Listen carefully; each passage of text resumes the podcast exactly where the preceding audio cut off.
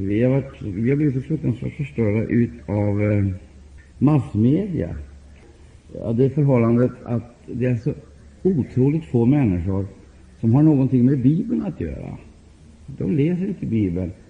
Och när man idag talar om kristendom så måste jag säga jag vet inte vad man egentligen menar. En sak är helt klar för mig. Det har väldigt lite med urkristen tro och praxis att göra. Och det är väldigt lite av det man sysslar med som är, överhuvudtaget är förankrad i, i Bibeln. Eh, vad, vad är det kristenheten har sysslat med under de senaste årtiondena? Vad, vad man har sökt under allt tal, flummigt tal om väckelse? Vad, vad menar man? Och vad är det man söker efter då det gäller exempelvis sådana saker som manifestationer? Vad är kriteriet på sann kristendom? Vad ska man söka det någonstans? Naturligtvis Nya testamentet. Och det är oerhört sällan man får veta någonting just om vad Nya testamentet lär. Låt oss ta en sak som är så oerhört viktig då det gäller exempelvis den enskilda människans omvändelse. Där börjar ju allt. Men det slutar ju inte där, för att eh, frälsningen det är ju ingen plats. Det är en lek. Men är det en väg där det är också fråga om en vandring, då måste man ju ha ett mål i sikte. Vilket mål har man då? Sen kommer vi in på alla de här frågorna som har alltså med frälsningen att göra, det vill säga den fortsatta normala utvecklingen ifrån startpunkten alltså mot målet.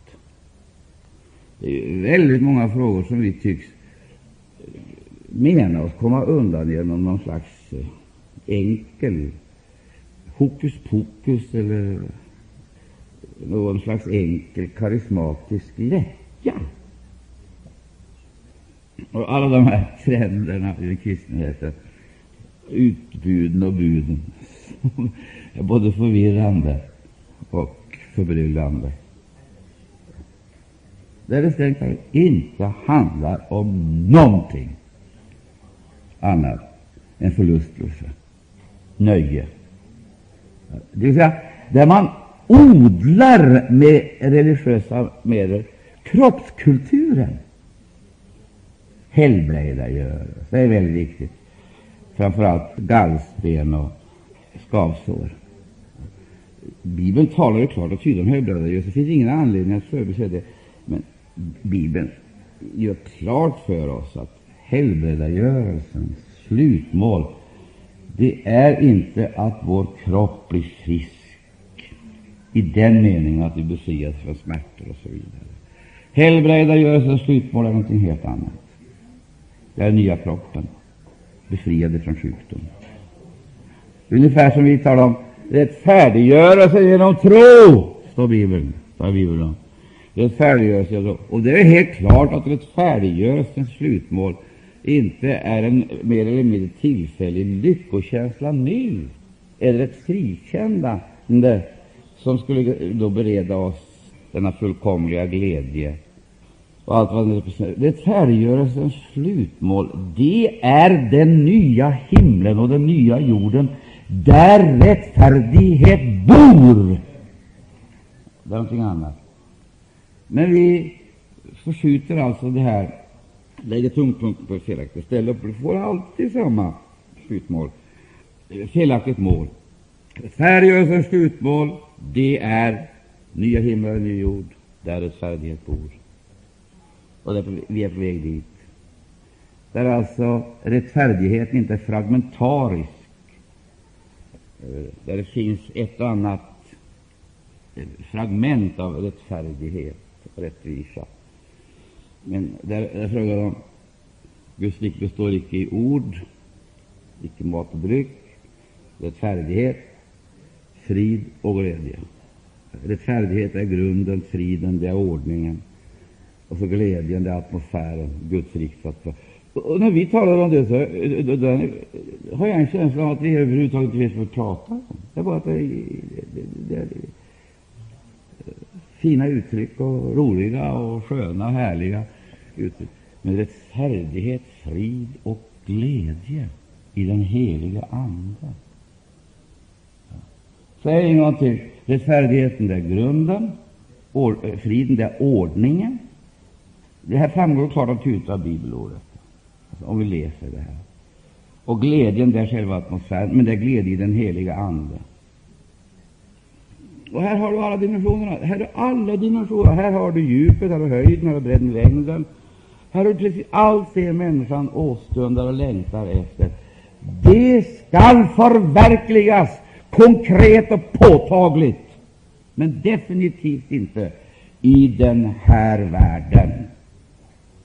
Däremot har Gud klart och tydligt tagit ut ett folk som är hans egendomsfolk, som här skall vara den stad på berget som lyser.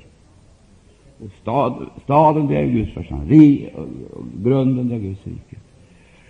När vi exempelvis tar upp de här frågorna som vi gjorde på förmiddagen, våra relationer alltså till olika maktcentra här i världen. Det gäller alltså vår situation i tiden. Och då inkluderar jag naturligtvis det faktum att vi är här, vi är här med våra kroppar, vi är i tiden utan att för den skull vara uppslukade eller upptagna av världen. Vi är i tiden, och nu säger skriften klart och tydligt, klart och tydligt att vi är jordens salt, inte världens. Det är, det är otänkbart att eh, saltet skulle kunna utöva någon funktion i världen. Vi är jordens salt. Och vi vet att saltet kan överhuvudtaget ingenting göra när förruttnelsen redan är ett faktum. Den kan inte återkalla alltså, det friska och fräscha, utan den är förebyggande. Och därför talar Bibeln om jordens salt. Och du vet att saltet är mineraler eh, som man använder för ett alldeles speciellt syfte. Alltså jordens salt. Men så heter det, vi är världens ljus. Och jag vill observera ytterligare en gång att Jesus sa så här till sina Följ mig, så skall jag göra eder till. Det var en livsuppgift. Vad då? Människofiskare? Människofiskare blir man inte på en dag eller på en timme eller genom ett andedop. Det är frågan om en lärjungaskola, och den räcker hela livet. Och det är ingenting som man störtar sig in i och lika lätt störtar sig ut ur, utan att bli en människofiskare, det är ingenting mindre än en livsuppgift. För att ett faktum är att det finns ständigt nya ting att lära, det finns förutsättningar för en ständig utveckling. Eh, och eh, för att man skall bli en bra människofiskare så behöver man få visdom. För det heter klart och tydligt, det är den vise som fångar själar. Men den Jesus som sa följ mig, så skall jag göra eder till. Han sa också i ären världens ljus. Alltså, det var ingenting som skulle bli, utan det hade redan skett. Det var de. De var värld, jordens salt och sen världens ljus. Och ljuset i det här sammanhanget har ju med kunskapen att göra. Kunskap! Det är där själva problemet ligger. Saltet. Vi talar om protest. En djup och allvarlig protest som hindrar och hämmar. Hejdar alltså ett förlopp som annars är förödande. Det är där den kristna församlingen har sin stora uppgift.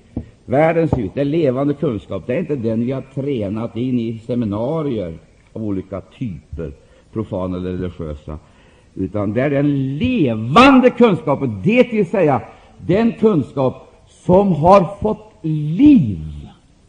Och att kunskapen får liv, det innebär ingenting mindre än att ordet gestaltas, förkroppsligas. Om man vill så kan man tala om en inkarnation.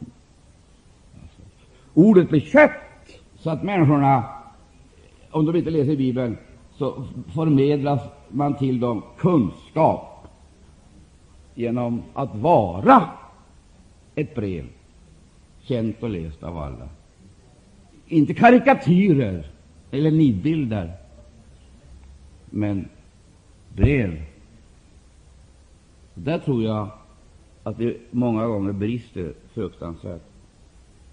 jag tror inte alla gånger att den skriften leder människorna till Kristus, utan kanske bort ifrån honom. Katastrofalt nog. Men vi ska lämna också den biten, men vi måste göra klart för oss när Bibeln talar om det här, så lägger den alltså inte det, det här med religion, frälsning och upplevelse på ett plan eh, Bibeln för, den förandrar inte livet som det vi gör. Utan jag skulle vilja säga Bibeln förmänskligar livet. Gud har aldrig tänkt att vi skulle bli änglar. Gud har aldrig tänkt att vi skulle bli några andra väsen. Aldrig, aldrig, aldrig. Vad Guds stora plan och vilja är, det är att vi ska bli sanna människor. Guds stora problem är att, få, att göra till sanna människor. Vi är inte böjda för att vara sanna människor. Vi blir gärna.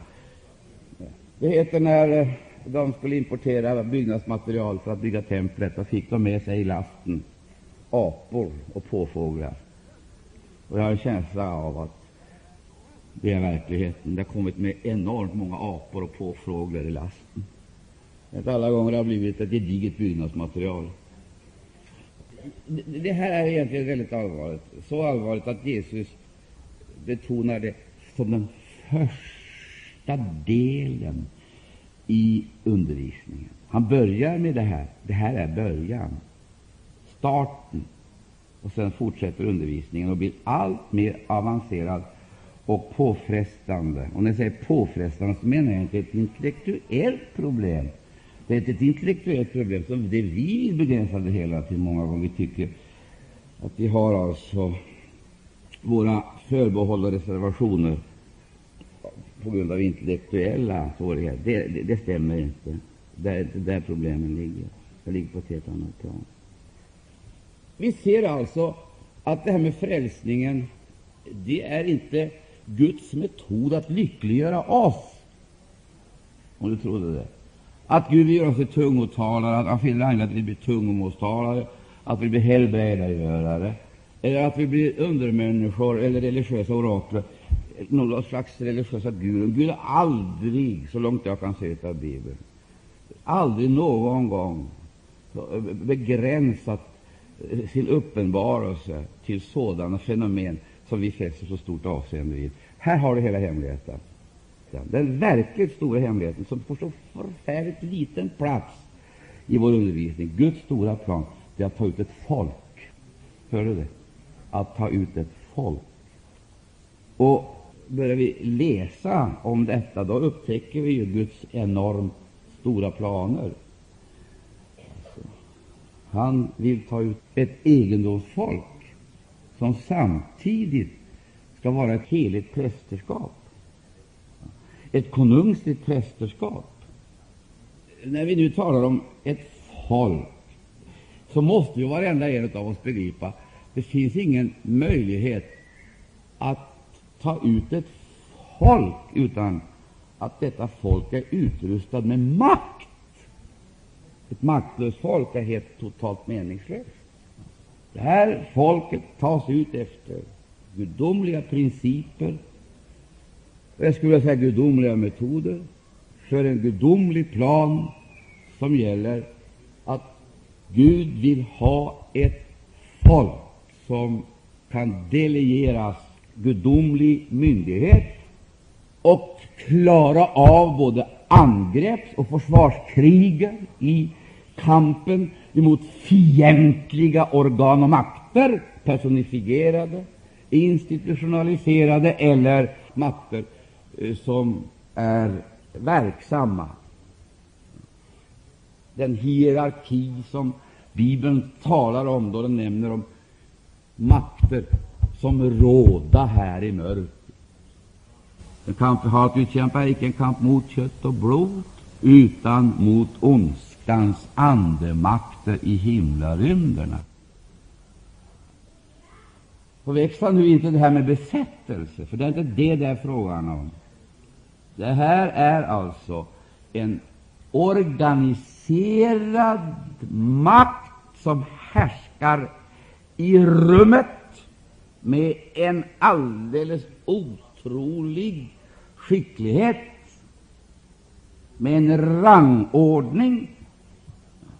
Det är härskare och världshärskare som råder här i mörkret, och det är härskaror, mörkrets härskaror, som reagerar, opererar och agerar.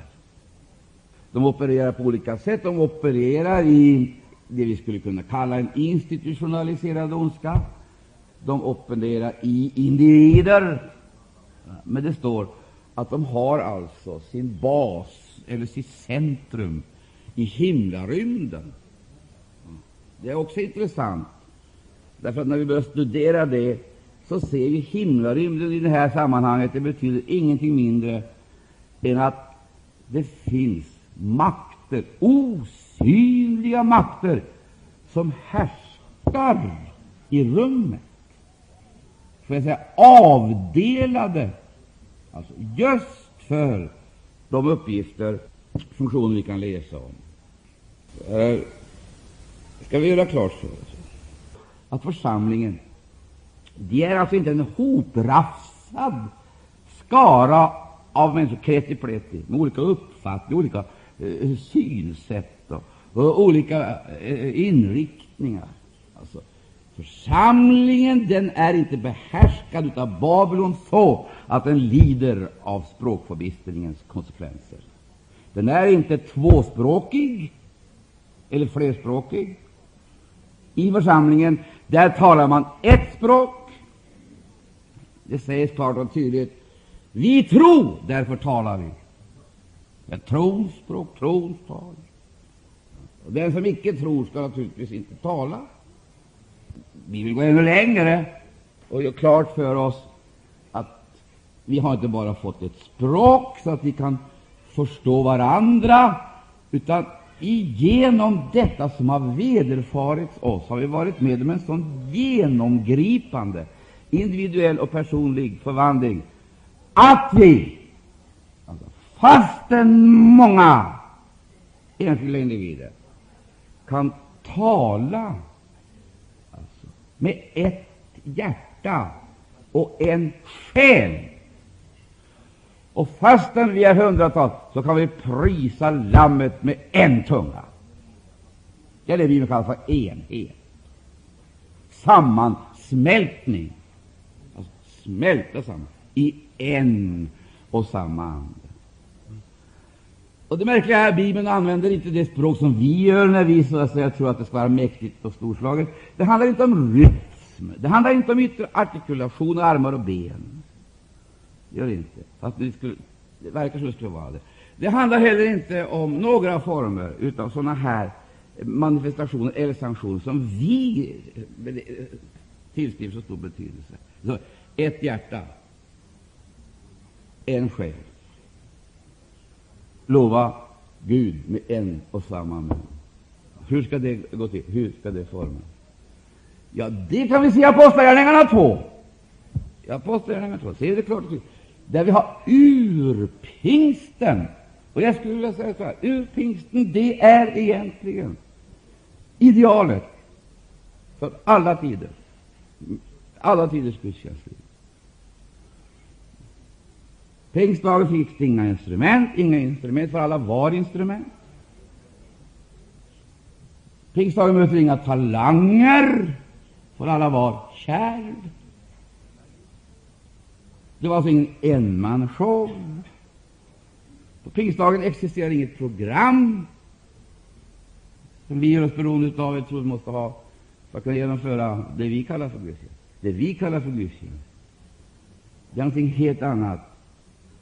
Får kalla det vad du vill. Men jag tror att om det är mycket rörelse och förtätad stämning, då är det Nytestamentet gudstjänst. Det är nys, struntprat, ingenting med verkligheten. Det var en underbar gudstjänst med helt tyst, helt tyst, inte ett ljud hörs. En underbar gudstjänst. Förresten, där är frågan om inte det är bäst, när alla tiger. Kan det vara någon målsättning? Ja, som eh, åtminstone avkoppling. Det var underbart att få vila sinnet i en tyst gudstjänst. Missuppfatta mig, ni, ni ska naturligtvis lova Gud. Men vi är pratmakare och estradörer, älskar så att säga ge offentlighet åt vår salighet. vad jag skulle vilja säga där det här. Det står faktiskt så kommo från himmelen. Ja, ett år. Och det har många strukit under. Ett av de få ställena i Bibeln som har strukit under, det är det här med dånet. Ja, man förälskat sig och en gudstjänst utan dån är ingen gudstjänst. Men det står inte att det var de som åstadkom dånet. Det kom, och så är ursprunget fastställt från himmelen. Det, det, då blir det lite annat. Vi kan väl skapa våra fyrverkerier, men det blir något annat när blixten kommer. Vi kan tända våra små tändstickor, och det är väl vackert och upplysande åtminstone till någon grad, och så helt plötsligt så sker det någonting i atmosfären och det börjar blixtra och dundra. Det är lite annorlunda med avseende på kvalitet och omfattning. Och jag skulle vilja tro att det är något av det där människan måste vara med om, om hon ska reduceras till sanna och rätta proportioner. För efter det där dånet så står det blev och de alla uppfyllda. Ja, vad då? Helig Ande. Man kan ju fråga sig vad de varit uppfyllda till den tidpunkten, eftersom de var så tomma.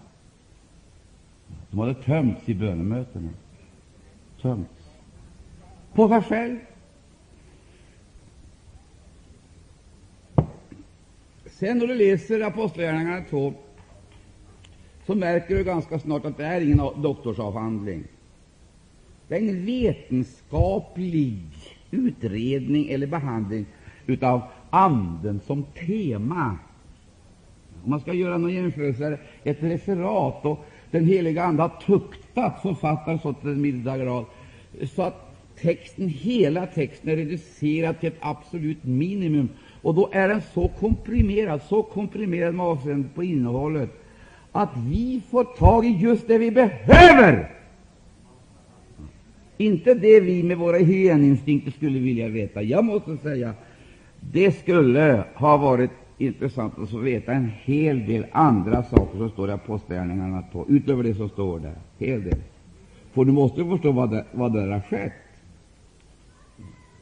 Tänk om man hade släppt loss ett eh, sånt här vittnesbördsmöte eller någonting i den där stilen. Eller någonting annat.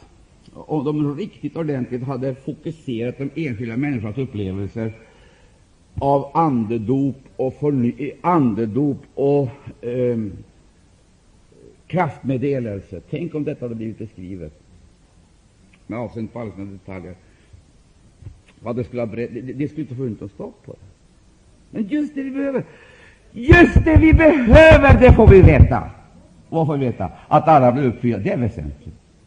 Att det inte finns några privilegierade, några lyckosökare som är framme och rycker åt sig initiativet med att alla blir uppfyllda. Man skulle kunna säga så här, ett minimikrav man kan ställa på den kristna församlingen, det är att alla är uppfyllda. Ja, men det är de väl också, men tyvärr inte med den heliga Ande. Det är där problemet ligger. Mycket annat som är ute och tafsar och nafsar och pratar när man blir uppfylld av den heliga Ande. Först mosad av dånet och sen uppfylld av Anden. Det är det jag kallar för himlatryck, som reducerar människan till sanna proportioner och gör henne öppen och mottaglig för Gud, som inte delar sin ära med någon. Det är modernt nu för tiden. Vi, vi är så fria och självständiga. Och det är modernt nu för tiden. Vi måste demonstrera vår frihet. Vi ska ut och dansa, och vi älskar jippon av olika slag. För all del, håll på så länge du orkar, människa. Men om vi ska tala om en sann uppfyllelse av den heliga Ande, då måste vi nog införa ett annat språkbruk och få andra, få helt andra, en helt annan eh, framtoning. Jag vill inte på något sätt att du ska bli deprimerad och eh, tänk, att eh, eh, blir man inte fri när den helige Ande faller och den heliga Ande blir man inte fri Kan man inte göra lite hur man vill då och, och svänga sig och känna sig glad och lycklig och så vidare? Jo, visst kan man det. Visst kan man det. Men det är ju inget mål. Nej. Vad som är målet är att Gud tar ut ett folk med en ny ande som frimodigt träder fram och förkunnar. Vad då för någonting? Förkunnar uppståndelsen med överbevisning och övertygelse, med genomslagskraft, utan att med ord och TV och andra, annan apparation förtar korsets kraft eller berövar Kristus hans härlighet och reducerar honom till en lekledare i vår sandlåda. Du, tror du på Jesus människa, så säger amen. Det får du göra. Öppna ditt hjärta, så ska du få känna att det finns någonting alltså, som, är, som är så oerhört meningsfullt och mättande. Att uppfylla den heliga Ande så att man blir av med sitt, av med sitt inneboende vakuum eller av med de böjelser som annars vi dukar under för. Vi ska se det senare i texten.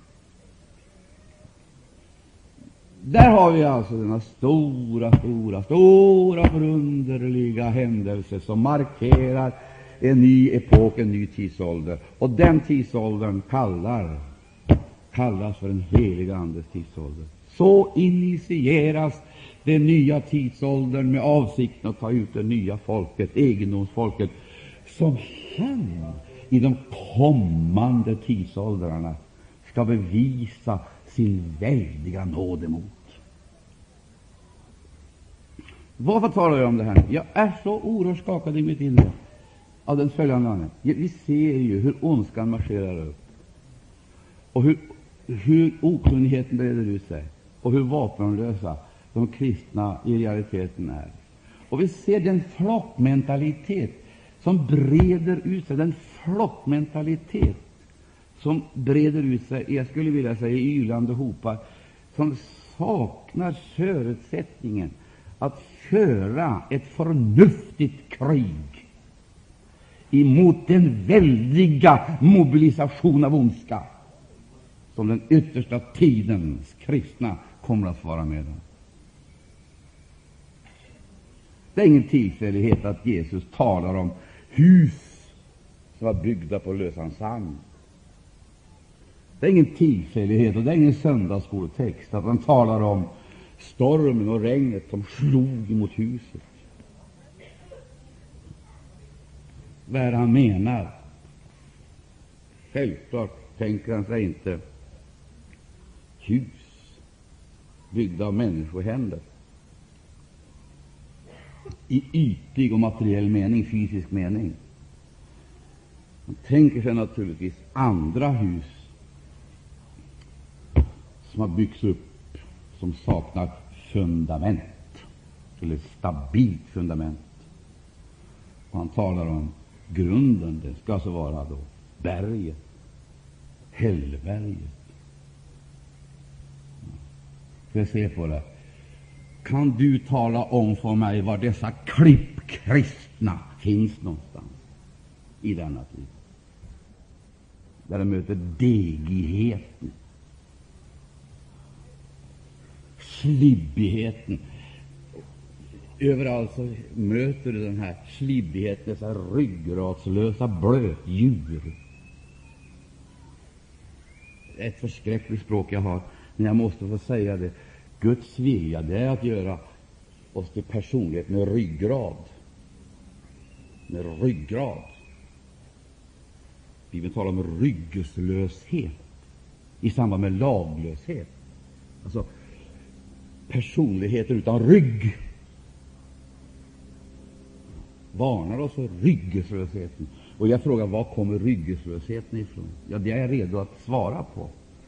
Jag nöjer mig nu med att konstatera att det är just ryggeslösheten som ger den onda världen, andevärlden, maximala möjligheter till besättelser. Det är just i sådana miljöer den onda andevärlden älskar att operera. Bibeln kallar dem för orena andar som rör sig i sådana sfärer och genom sådana människor. Och orena andar har alltid med religion att göra. Religiösa uttryck och religiösa manifestationer. Och mycket av det vi kallar för andlig verksamhet är andlig i så måtto att den stimuleras och påverkas övernaturligt,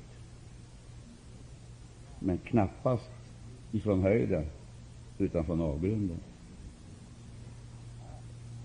Om inte så vore fallet skulle aposteln Paulus aldrig ha tagit sig tid med att skriva Andra Thessalonikerbrevet. Aldrig. Eller första. Om inte så vore fallet, så skulle Uppenbarelseboken aldrig ha kommit till. Aldrig. Det finns ett moment här som jag aldrig förut har tagit upp. Jag tänkte vi skulle försöka att ta upp.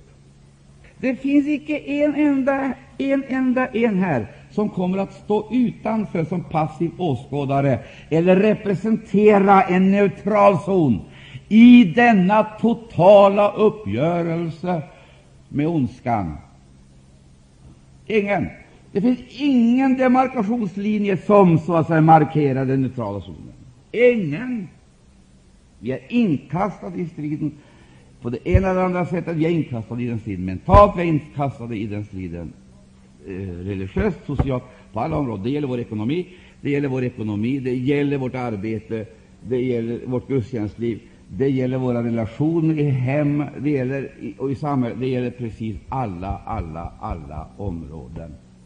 Och vi är definitivt inte åskådare eh, som kan betrakta. Vi är exponenter eller offer.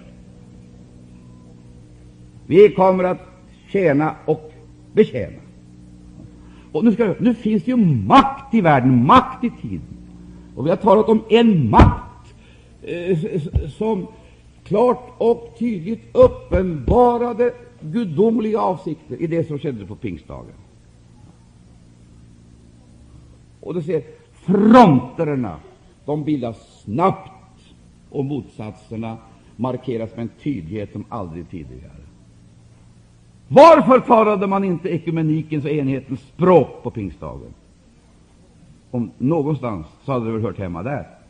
I förstone borde man ha talat enhetens och ekumenikens språk för att riktigt skapa förutsättningar och grund för det vi menar är så värdefullt.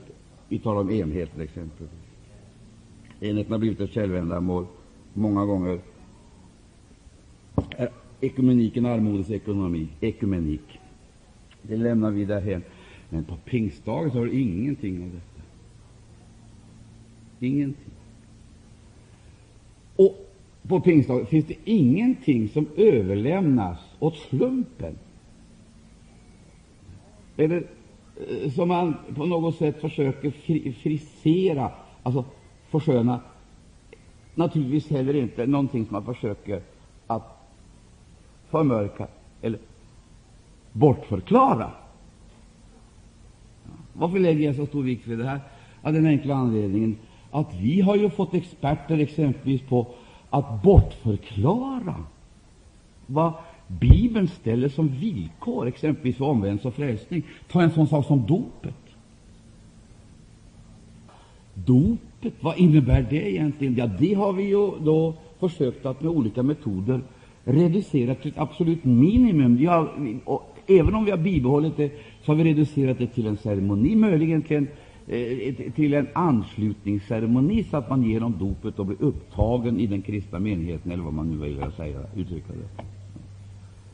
Vi vet ju att det där inte stämmer på någon punkt. Det stämmer absolut inte.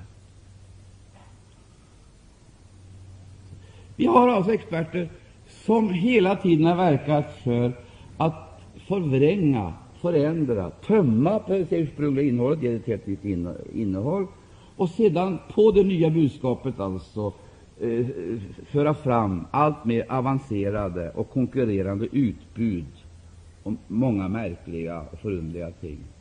Men det är alltså inte ursprungligt. Det har förlorat sin kvalitet, och det representerar ett slags avguderi, utan vi fattar det. Det är reproduktioner, imitationer. Det är helt enkelt uttryck för det jag kallade för apornas verksamhet. Eh, att ta efter så att man får en tradi, traderad undervisning eller upplevelse istället för en personlig och direktgående. Eh, Får jag se på det här? Ställa frågan så här. Är du döpt i vatten? Innan du har, jag har hunnit beslutet så svarar du ja. Är du säker på det? Ja, det vet jag väl. Jag var ju med när dopet skedde. Ja, ja. Det var ju väl det då. Men vet du vad du är döpt ifrån? Och vad du är döpt till? Kan du svara på det? Vad lär Bibeln? Vi har gjort det så väldigt lättvindigt och enkelt, och vi tror bara det är frågan om att doppa människor eh, i tillräckligt, en tillräcklig mängd vatten. Men det är verkligen inte det, om du börjar läsa Peter brev, vad han talar om, dopet, och går till Noa, floden, arken, den gamla jorden och den nya jorden. Och sen så stryker han under eh, den här symboliken och det här talet med att, att klart och tydligt fastslå alltså, att detta dop får sin betydelse, sin kraft, i kraft av uppståndelsen. Åtta blev frälsta. Vart tog de andra vägen?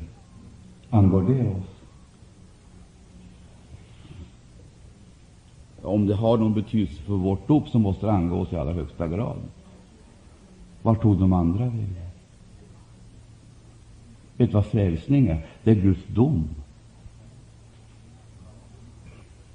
Vad var, det, vad var det de skulle frälsas ifrån? De skulle frälsas ifrån den gamla världen. Inte genom en eh, förfinad bildning eller genom eh, en annan religiositet. Inte.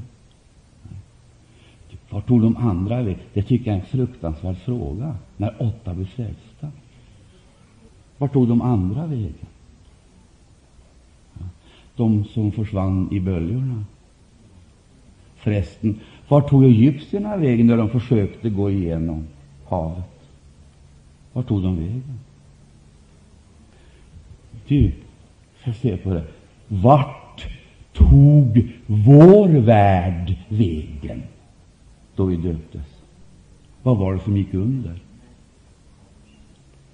Nu kan du börja fundera på vad var det som egentligen gick under. Vart tog vår värld vägen?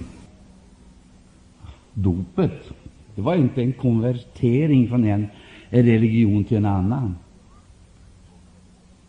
Det står klart och tydligt att man i dopet anropar det är inte samma som att bedja en andaktsfull och läst bön formulerad av en filosof eller det vi kallar för ett helgon. Anropa. Vad är anropa för någonting? Man skriker när man inte har någon hjälp och inte ser någon utväg. Då man inte bara är hotad av döden, men känner sig uppslukad av dess krafter. Då anropar man. Och hur ska man formulera en sån bön? För att bli hörd och trodd. Det är inte med truten och lungorna, men med samvetet. Sam har du samvete? Är det sjukt, dött eller verksamt? Ska du svara mig på de frågorna kan du fundera. Anropa Gud om gott samvete. Det är en ordlös bön, mäktigare än någon annan bön. Ordlös. Den bön har inte vi formulerat. Det är Gud som har gjort. Och den bönen den har sin förutsättning i Herren Jesus Kristus, i hans uppståndelse. Och den bönen är verksam genom hans namn. Det namn som är nämnt över oss. Namnet Jesus. Jag funderar många gånger vad, vad, vad är det som har skett i dopet. I dopet har en värld gått under.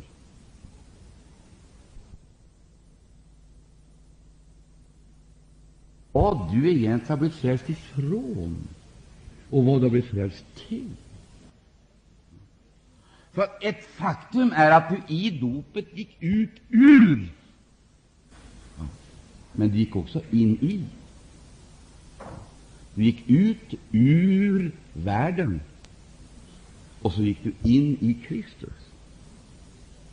Och därför kan vi säga så här, för att göra det här kort, så kan vi säga att det finns ingen frälsning utan dopet. Det är uteslutet. Det finns ingen frälsning. Och vi ska hålla oss till Bibeln. För Jesus sa inte den som tror ska bli frälst. Det sa han inte.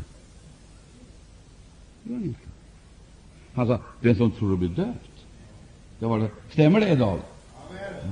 Fastän teologerna med eh, sina intelligenta hjärnor har gjort om det här budskapet så det ska passa för den opånyttfödda människan, så hon kan känna sig helgad och fin i de kristnas församling och vara med och ge till Rädda barnen eller missionen och känna sig värdig och god som medlem.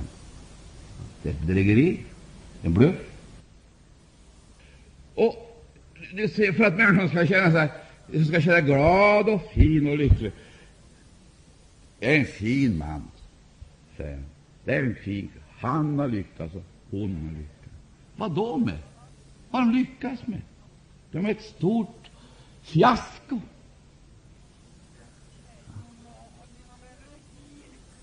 Det finns bara en som har lyckats, och han heter Herren Jesus Kristus. Och alla som är utanför honom är i den misslyckade världen. Allt utanför Kristus är världen. Stämmer det, så säger jag amen. Det är där problemet ligger. Och när vi talar om de här sakerna så verkar det som om vi trodde att det finns alltså något av det kyrkan kallar för, eh, för en automatiskt verkande nåd genom nådamedel och ceremoni, vilket det inte gör. Jesus lever. Han är uppstånden. Han är icke här, sa man redan tidigt. Han är uppstånden. Sök honom inte bland de döda. Och varför söker vi tillbaka till traditionerna och försöker hitta honom i gravarna? Försöker och fundera ut lösningar hur vi ska få tag på honom med tanke på de enorma stenar som ligger i vägen, som prästerna har lagt dit och de skriftlärde och andra makthavare har lagt dit, stängt igen och beseglat stenen.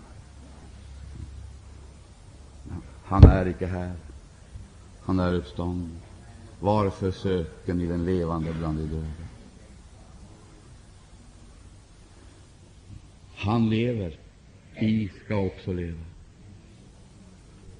Kommer man in på det här området, då är det tillåtet att dansa. För det här är verkligen frälsningsglädje, sann frälsningsglädje. Och är den förankrad i detta, vad Jesus är, vad han har gjort och vad vi är i honom, då finns det definitivt ingen anledning att stänga luckorna. Tvärtom, öppna alla fördämningar och släppa fram frälsningsfröjden. Ty han lever. Han är uppstånden. Om det här ska kunna fungera, då måste faktiskt Kristus bli vårt huvud. Det måste bli vårt huvud.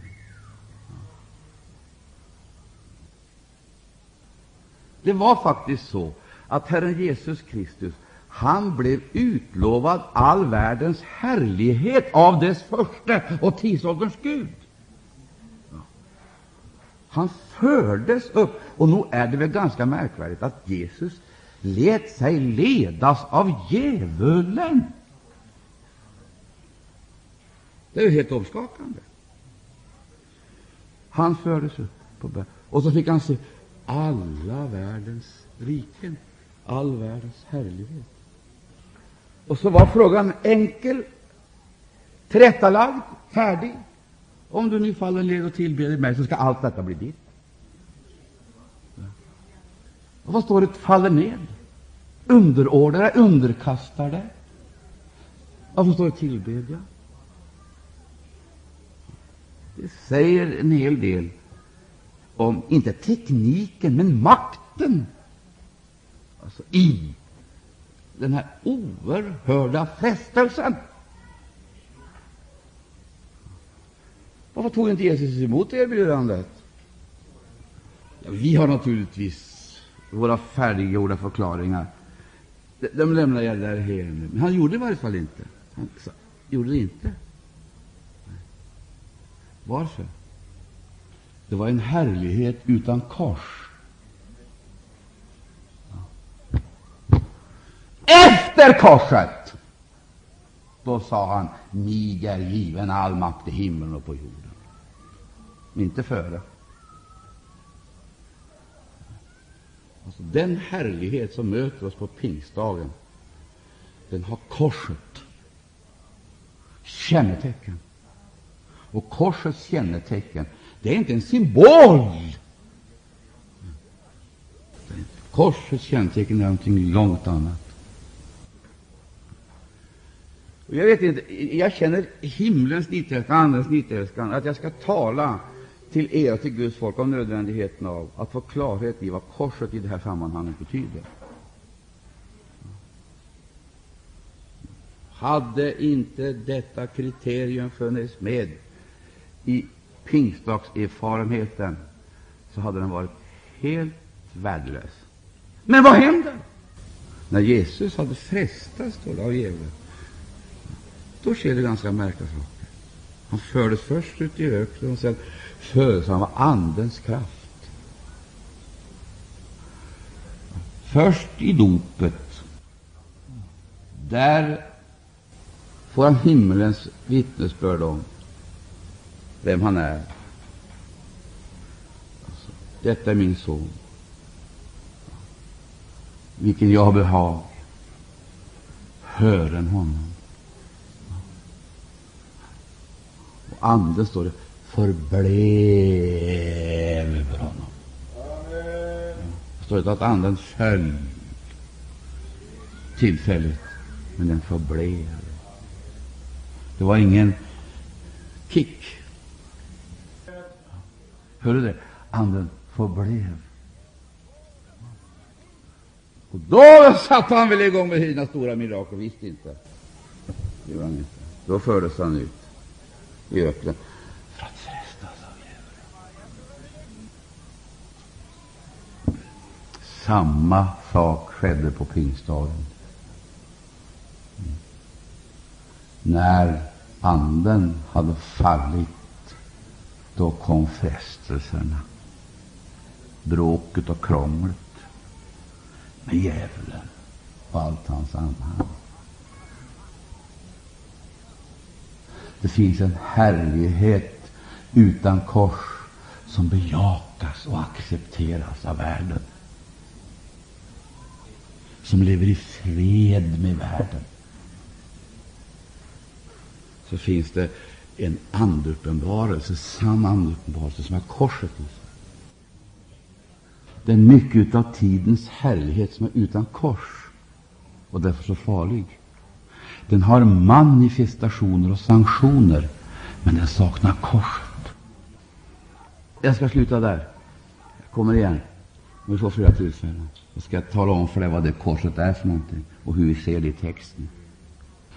Bland annat i det här. Ingen kallade något av det han, ägde, av det han hade eget för sitt eget. Där har du korset. Där har du korset. Och så nästa steg. Vi hade allting gemensamt. Där har du korset. Det är korsets seger över den värsta bastion som finns i människan. Egoismen, materialismen, ha, ha, ha begär. Och hade det inte kanaliserats och synliggjorts i denna nya, påtagliga och konkreta gemenskap, då hade det inte haft någon betydelse. Ingen. Då hade det varit ett intressant fenomen. Men nu börjar en ny epok, inte ett nytt gudstjänstliv, men en helt ny livsstil med nya medel och mål. Och nu är vi inte med längre. Vi är med i första biten, när vi får tala tungor och höra dån och så vidare. Då är det jättebra att vara med, jättekul att vara med. Det är oerhört. Men sen när vi kommer fram till den sista delen, där frukten uppenbaras, och det visar sig att frukten den växer fram ganska snabbt. Det blir faktiskt tolv skördetider eh, per eh, år i året. Vad är? Det Mänsklighetens största ande har brottats med det Mänsklighetens största ande har brottats med det Brottats med det, önskat och hoppats på en förändring. Vad är socialismen annat än ett försök att få bort klasskillnaderna, distanserna? Vad är socialismens försök annat än att försöka åstadkomma någon form av rättvisa? Ekonomisk, politisk. Vad har hindret varit eftersom programmen är så utomstående, så enorma? Inte lyckas någonstans. Vad beror detta på? När man har försökt så har det visat sig att man har varit tvungen att använda tvång som har lett till totalitära och förfärliga samhällen. Man måste ha polis, och militär och fängelser och fångläger och arbetsläger för att försöka tvinga det fram. Har det varit fel på idén? Filosofin? Inte, inte, visst inte. Det är människan det är fel på. Hon säger nej till korset. Hon gärna, vill gärna ha det i kyrkan och så sjunga på påskdagen eller långfredagen om korset.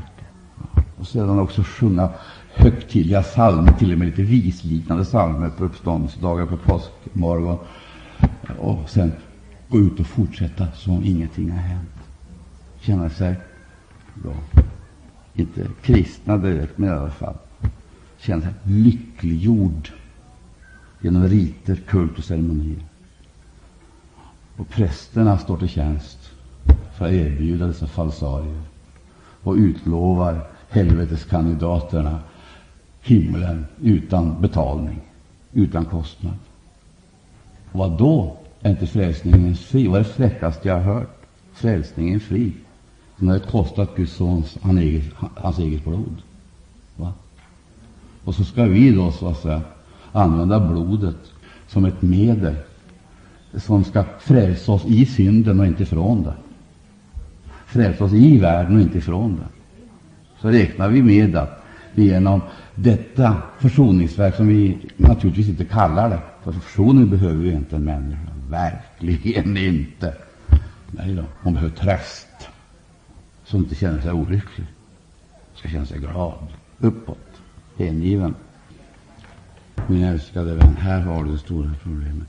Hur ska världen kunna tro på de kristna som predikar korsets evangelium, men i realiteten är mer materialistiska än världen är?